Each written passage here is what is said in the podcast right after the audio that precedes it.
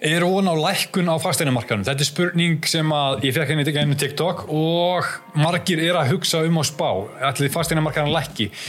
Ég held það. Það er hægt að raukstíða í báðar áttir og það eru margir sem segja að hann er eftir að bara standa í stað, það eru margir sem segja að hann eftir að lækka en það eru fáir sem segja að hann eftir að hækka því það er engin ástæði fyrir hann að hækka eitthvað mikið núna, ekki nema að ríkið komi með eitthvað lausnir fyrir kaupendur, það er ríkið er bara að hugsa um önnur mál núna eins og COVID Þannig að ef þú ert að hugsa um þetta fyrir fyrstu kaup, sem fyrstu kaup, þá held ég rauninni að það borgi sig að býða smá og að ég held á næstu svona 8-10 mánuðum eða eftir að sjá fastegnum verð lækka eitthvað örlítið en ekkert svona ekkert endilega að hrinja niður en ég held líka að það eftir að koma fleiri tækifara á markaði. Að því í dag þá er markaðinu bara nokkuð eðlilegur. Það er ágættið sala og og seljendur eru bara að selja en núna er atvinnulegs að aukast og við hefum eftir að fá þessi áhrif af þessum, þessum atriðum inn á fasteinamarkaðin. Þannig ég held að rauninni, þegar við fáum meiri áhrif af þessum, þessum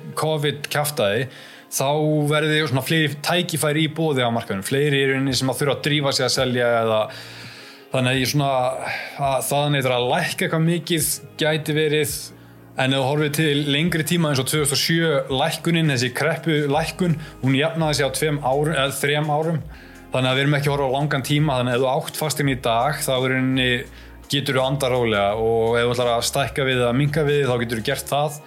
En ef þú ætlar að kaupa fyrstu eign þá held ég myndi býða allavega í nokkra mánuð og bara aðeins að fylgjast með. Það. Það er svo margt sem þarf að gerast þannig að fastinni verður að fara að hækka en það er svo margt sem getur orðið til þess að það lækki. Þannig ég held að, að það séu meiri líkur að það lækki heldur en eitthvað annað. Ég vonandi að hafi svarað spurningunni þinni en hérna sendum bara línu á baldur.450.is ef að hérna vilt spurja hvað meira. Hendu inn í komment fleiri spurningum og bara ég geggjaðan dag. Þetta er að gegja viður og bara um að gera njóta